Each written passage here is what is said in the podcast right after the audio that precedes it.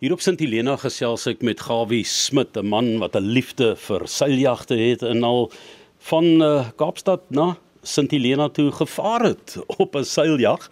Hy's 'n kliniese sielkundige en ek dink is seker die lekkerste manier om 'n mens se kop skoon te kry nie waar nie, Gawie. Dis verseker. In die aard van my beroep is daar soveel mense se stories wat jy na luister en en en ek het ontsettende deernis vir die mens.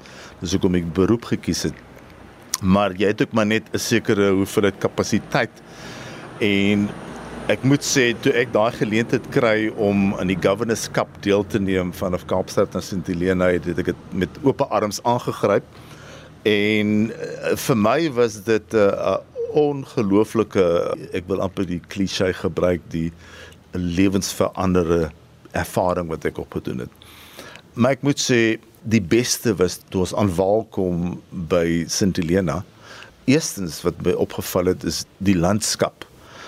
Baie kort op sake was dit die mense wat vir my bitter baie beïndruk het met hulle menslikheid, hulle vriendelikheid, hulle nederigheid. En dit is hoe my ontmoeting met St Helena begin het en ek het onmiddellik gedink ek moet die geleentheid aangryp om uit te vind of daar nie dalk 'n geleentheid is om 'n diens te lewer vir die mense op St Helena nie. En toe kry jy sommer twee eilande. En toe kry ek twee eilande. Ek het begin met St Helena en uh, nie lank daarna nie het my kontakpersoon op St Helena my in kontak gebring met 'n uh, 'n uh, sertifikaner wat al amper 20 jaar die senior dokter is op Ascension Island. En die res is geskiedenis. Sedertdien doen ek konsultasiewerk aanlyn vir St Helena sowel as Ascension Island. Jy's 'n kliniese sielkundige, maar mense nou dink, oeg, jong, dit lyk so lekker ontspanne op 'n eiland. Niemand kan 'n probleem hê nie. Is daar iets soos 'n eiland sindroom waarvan 'n mens kan praat?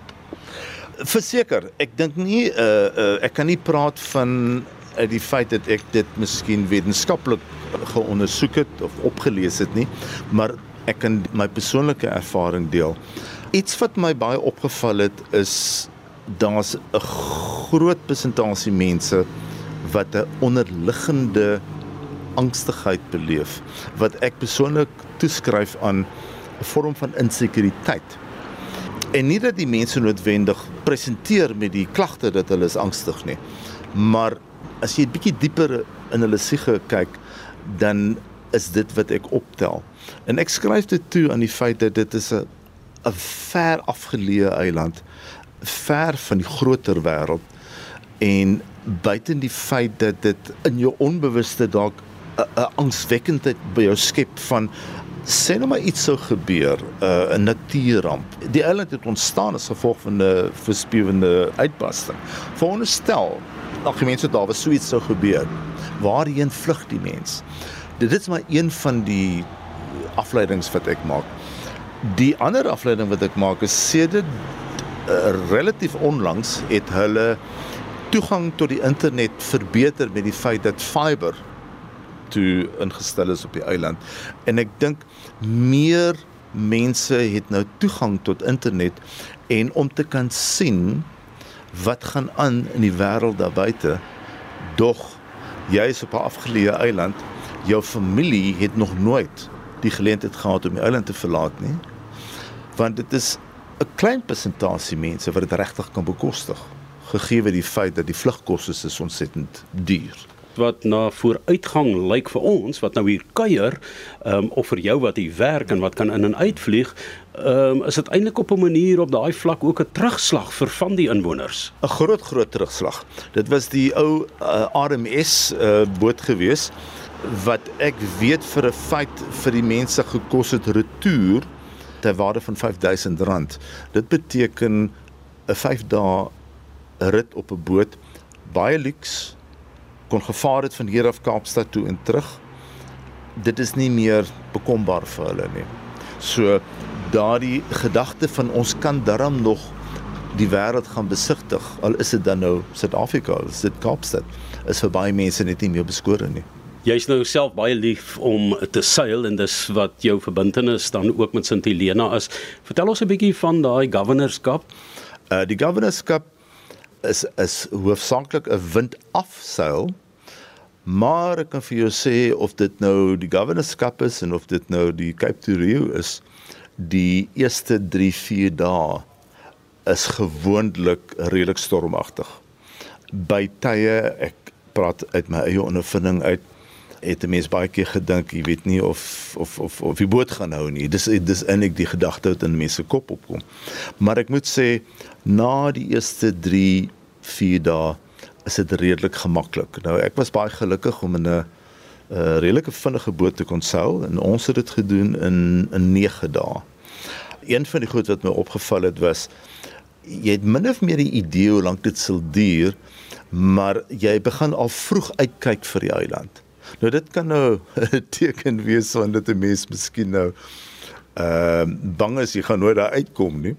En die momente ons die eiland sien, het dit vir jou gevoel of jy binne 'n ure wat daar gaan wees. En dit was amper nog omtrent 7, 8 ure gewees. En om in die middel van die nag by die eiland uit te kom en jy benader Jamestown hawe altyd anti-kloks gewys. So jy moet nog 'n hele end om die noordpunt seil om by die hawe uit te kom. En dit nog in die middel van die nag. Nou as 'n mens uh, dink daaraan dat hier groot geeste hier aangedoen het. Ek praat van Halley en Darwin. Wel, Napoleon is hier afgelaai. Ek weet nie of hy wou aandoen nie. 6000 boere kruisgevangenes in 'n stadium met 1000 skepe wat aangedoen het in 'n jaar. Nou is daar enkeles wat hier stop en dit het um, ook die eiland se ekonomie 'n tipe knou gegee. Hulle is baie aangewese nou op toerisme, né? Wel, hulle is uit die aard van die saak baie aangewese op toerisme. Die ironie is net dat ehm um, al is hier 'n uh, baie mooi uh, aanloopbaan, pragtige lughawe gebou, is die tipe vliegtuig wat hier kan land beperk in terme van die grootte daarvan.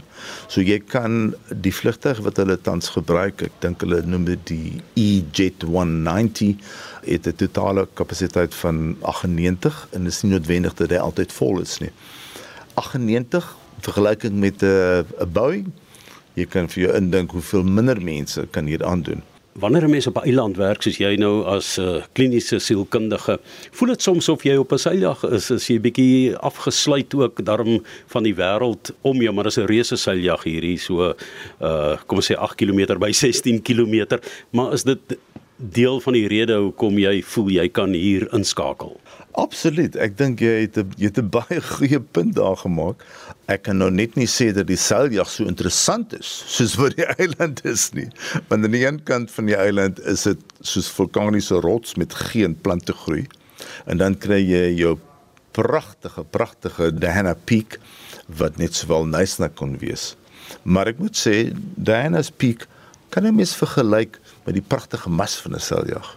Want dis die hoogste punt van die eiland en die hoogste punt van die seiljag. Kaptein Cook het juis ook van hierdie Norfolk dennebome geplant sodat indien die maste wat daai tyd miskien in 'n storm gebreek is dat hulle kan kom maste kap want anders is hulle gestrand op hierdie eiland sonder strande. Absoluut, dit is presies wat hulle gedoen het. En wat vir my nogal baie sentimenteel voel, is die feit dat daar nog heelwat seiljagte in van die seiljagklubs in Kaapstad is met houtmaste. Nou, ek weet van 'n spesifieke boot wat 'n ou telefoonpaal gebruik was om 'n mas van te maak.